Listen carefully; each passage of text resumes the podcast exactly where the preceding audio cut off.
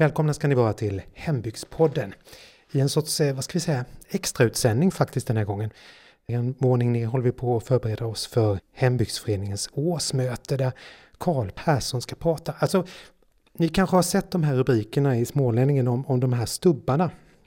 8000 år gamla stubbar hittade i Bolmen, den äldsta träbiten i Småland var någon som skrev också. Det är du som ligger bakom det här. Ja, det ska jag inte ta åt mig äran för. Det var väl du som ringde och sa att, att de fanns där. Ja, men tack. Jo, men vi, du var ju här. Vi, vi hade ju kontakt i ett annat ärende i, i sommar. Så du ville att vi skulle hålla, hålla utkik efter stubbar på sjöns botten. Och så mitt i den här låga vattenståndet så dök de upp i Hultaviken och då ringde jag dig och du kom dagen efter tror jag till och med. Var, varför är det här så intressant för dig det här med stubbarna? Ja, man kan säga det är en ganska lång historia men eh, kan man nog igen säga att jag får, får tacka någon annan för att det, det var en, en man som heter Uno Sundelin som var en geolog som var just här i Odensjö och i Järanäs sommaren 1915. Och han såg de här stubbarna, eller han träffade människor då som kunde berätta att det fanns stubbar här. Och sen så jag, läste jag det här för många år sedan och har alltid varit nyfiken på detta och äntligen så kom stubbarna i år. Så nu var det då första gången, jag ja det är ju väldigt länge sedan de var framme sist. Men du, varför är de här så intressanta då, de här stubbarna? De är intressanta på många sätt. Dels för att det är ett, som ett liksom biologiskt klimatarkiv som kan berätta om vattenstånd och väder och klimatförändringar förr i tiden. Och sen så är det ju spännande rent arkeologiskt för att det är ju en skog egentligen som har fallit ner och bland de här träden så har det bott människor. Så om man kunde hitta spåren av de människorna så skulle man också kunna hitta allting av trä, läder, alla organiska material. Det, det finns där nere i gyttjan. Men hur, vad är det vi pratar om i tid här nu då? Stubbarna är väl mellan, mellan 8 och 10 000 år gamla, tror jag, än så länge. Vi har bara fått en stubbe daterad från, från södra Bolmen. Så vi vet ju inte hur gamla de här är ännu, men det kommer vi få reda på om någon månad i alla fall. Vi har skickat iväg ett prov, eller du har skickat iväg ett prov på en av stubbarna i Hultaviken. Ja, och det ska bli väldigt spännande för jag vet inte hur man ska komma in. Det är lite komplicerat det här med, med hur gamla de kan vara då. För åtminstone den i södra Bolmen, den har hamnat under vatten för att, för att hela Bolmen har tippat. Alltså vattnet har åkt ner söder över och täckt det som var skog innan. Så den, den har hamnat där, där på grund av att hela Bolmen har tippat söderut. Eh, men om den här stubben i Hultaviken är lika gammal, det vet vi ju inte ännu. Den skulle kunna vara alltså. Den skulle kunna vara det, men det skulle också kunna vara att det varit en väldigt varm och torr period, kanske under bronsåldern. Och det är ju nästan ännu mer spännande egentligen, faktiskt. Men om vi, om vi backar lite grann, det här med sjötippning, det är ju någonting du nämnde här, liksom, att, att sjön tippar. Hur fungerar det här egentligen? För det kan ju vara lite svårt att fatta att det finns en skog på Bolmens botten. Ja, det är väldigt svårt att, jag har själv svårt att förstå detta. Eh, men egentligen är det väldigt enkelt. För att, för att om det ligger mycket is på Sverige och sen försvinner isen och då fjädrar marken upp igen. Ungefär som om man trycker på ett jäst bröd eller något sånt så åker det upp igen. Och det är det som händer och då, då stiger det snabbare ju närmare iskanten man är. Det betyder att hela Sverige fjädrar upp men de fjädrar snabbare i norr än i söder. Och då brukar jag jämföra med att om man har vatten i, i ett ugnsfat eller något sånt. Om man har bara ett tunt, tunt eh, lager vatten på då. Om man lyfter i ena ändan så åker ju allt vatten ner i södra ändan, eller i den andra ändan då. Och det är vad som har hänt med Bolman kan man säga. Mm. Väldigt enkelt. Så först är det en stor sjö i norra änden och sen så reser sig marken även i norr och så åker vattnet ner i, i söder alltså? Ja, ja och, och det gamla utloppet låg ju vid Räftele. Så att det är det som jag, hade utloppet legat åt söder, då hade det inte gjort så mycket. Då hade det bara blivit att den norra änden blev torrlagd, men den södra änden hade ju varit likadan om utloppet var där. Men i och med att utloppet ligger i Räftele så, så blir det att det torra, den norra änden torrläggs och den södra änden översvämmas ända fram tills det bryter igenom i söder. Och då bildas lagan. Men ska, ska man föreställa sig då någon sorts syndaflod när, den här, när liksom marken har höjt sig så mycket? i, i eh, norr att det börjar tippa över åt söder? Kom det på en gång liksom över en natt sådär? De som bodde här nere i södra delen? Nej, det kan nog ha stigit med kanske en halv meter per hundra år eller något sånt. Så det är ju långsamt på det sättet. Men när det väl når upp till den pasströskeln i söder, i sken, då kommer det bryta igenom på en gång. Och när det väl börjar bryta igenom, det är precis som när man bygger en, eh, bygger en damm med barnen på stranden. Så att när det väl börjar rinna igenom, då kommer allt på en gång. Så då bildas lagan på en gång. Och, och då var det ju en syndaflod för de som befann sig i Lagandalen. Då måste jag vakna till morgonen med att det bara kommit en vägg av sten och, och vatten. En sorts tsunami nästan? Ja, ja, det måste ju varit en, en väldig katastrof. Och de, de som bodde runt norra Bournemouth måste ju också blivit väldigt förvånade när, när vattnet försvann. Och helt plötsligt blev det tomt där, där det varit vatten innan. En dag kommer man ut och vattnet är borta? Ja, i princip. Så bör det ha varit så faktiskt. Så det, det, det, men det, det, det är väldigt svårt att... Alltså allting är väldigt logiskt och allting är belagt att det fungerar så här och så. Men det är ändå väldigt svårt att, att tänka sig att, eh, att, att lagan inte fanns. Och att Nissan då var, hade allt lagans vatten. Eller större delen av lagans vatten. Så Nissan var mycket större. Men, då har vi alltså, vi vet att den här stubben i, i södra delen av Bolmen är 8000 år gammal, eller 8, ännu äldre kanske eventuellt? Ja, lite. 8200 år ungefär. Ja. Och, och, och, vi vet att Hultaviken också kan vara rätt gamla i alla fall, även om de inte är lika gamla.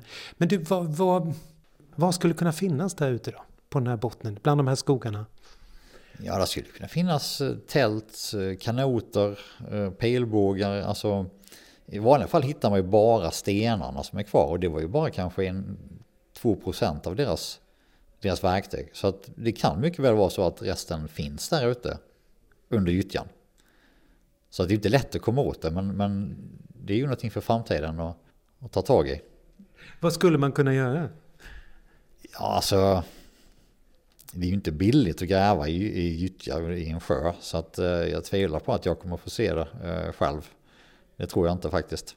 Mm. Men man skulle, alltså det, det, det, finns en enorm potential. Det, det finns det. Dagen efter vi hade pratat vid och du fick reda på att de här stubbarna var i ytan så kom du hit. Vad, vad hittade du när, du när du började ge dig ut till dina... Eh, jag såg du hade vardagsstövlar som gick långt uppåt för att klara dig den där dagen.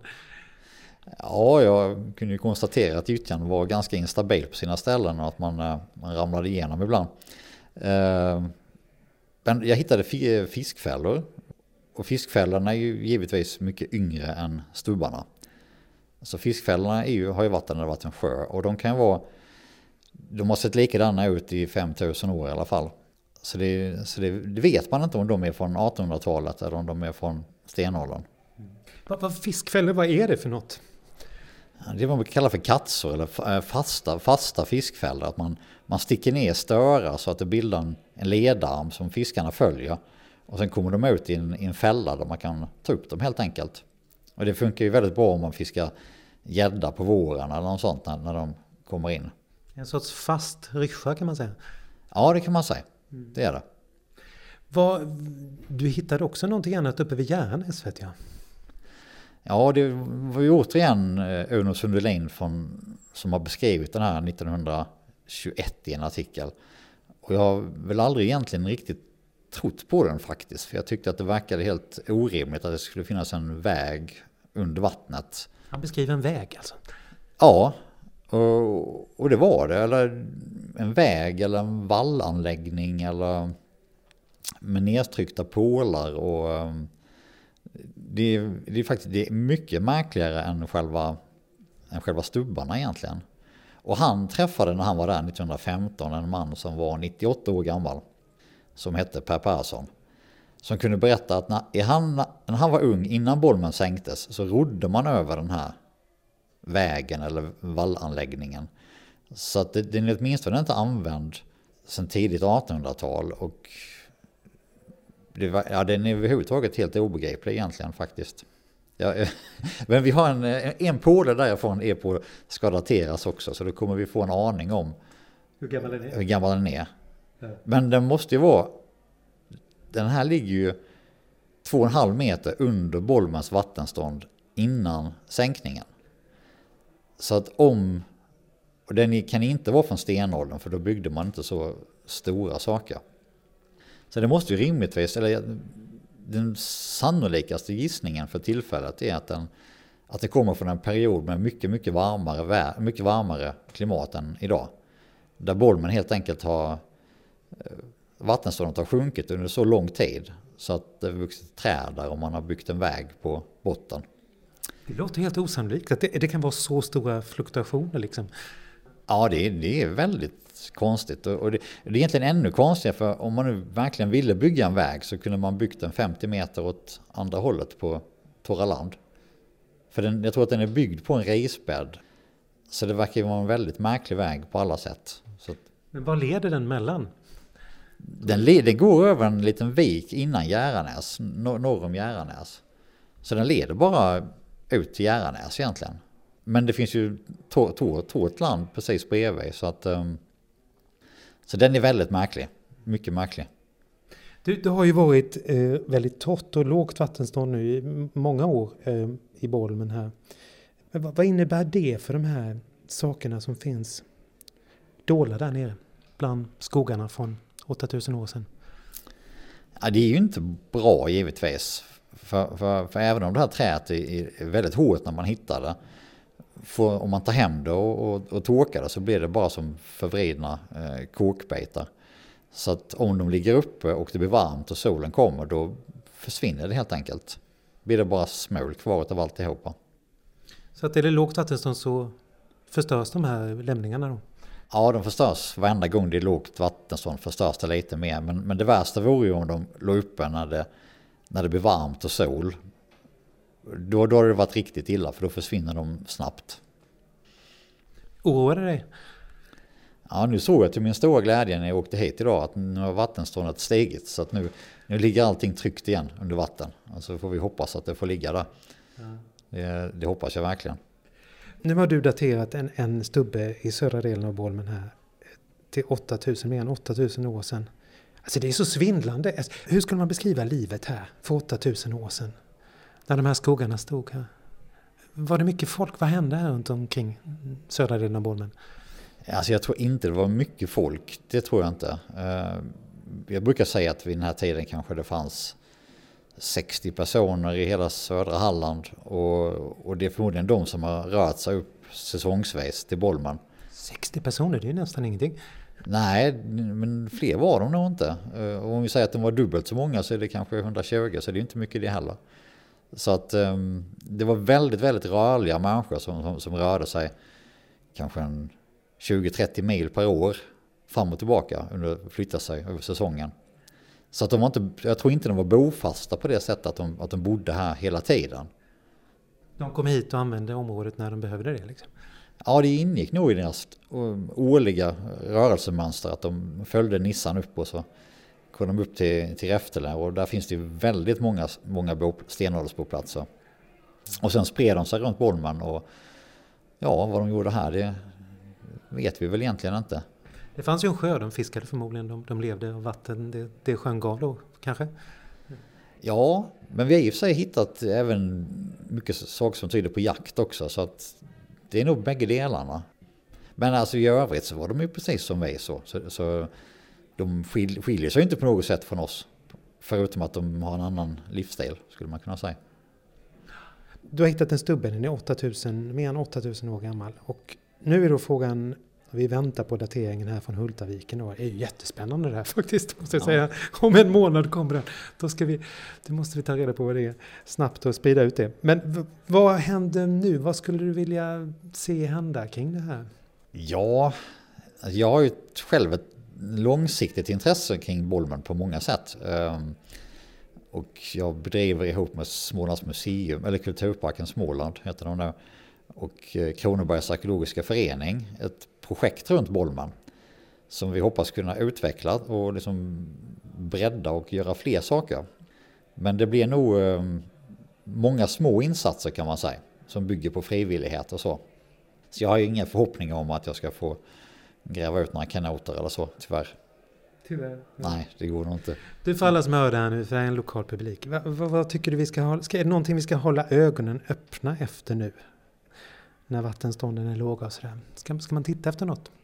Ja, det, det är ju jätteintressant med, med alla uppgifter om fiskfällor och stubbar och, och sånt. Och överhuvudtaget alla stenåldersboplatser som, som finns överallt här.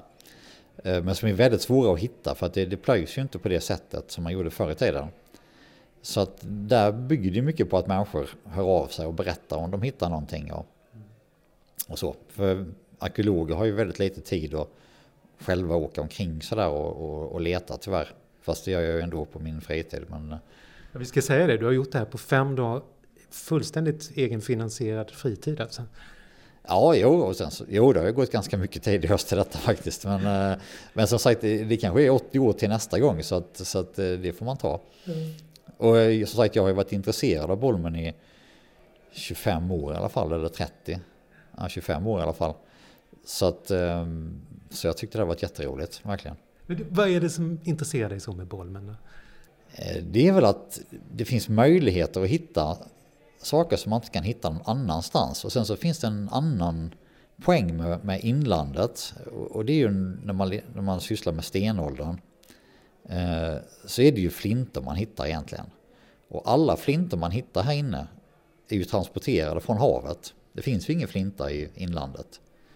Så att varje flinta berättar ju en historia om, om en resa och om hur människor har rört sig och kontakter de har haft. Så att det är, en, det är en genväg till att förstå människor.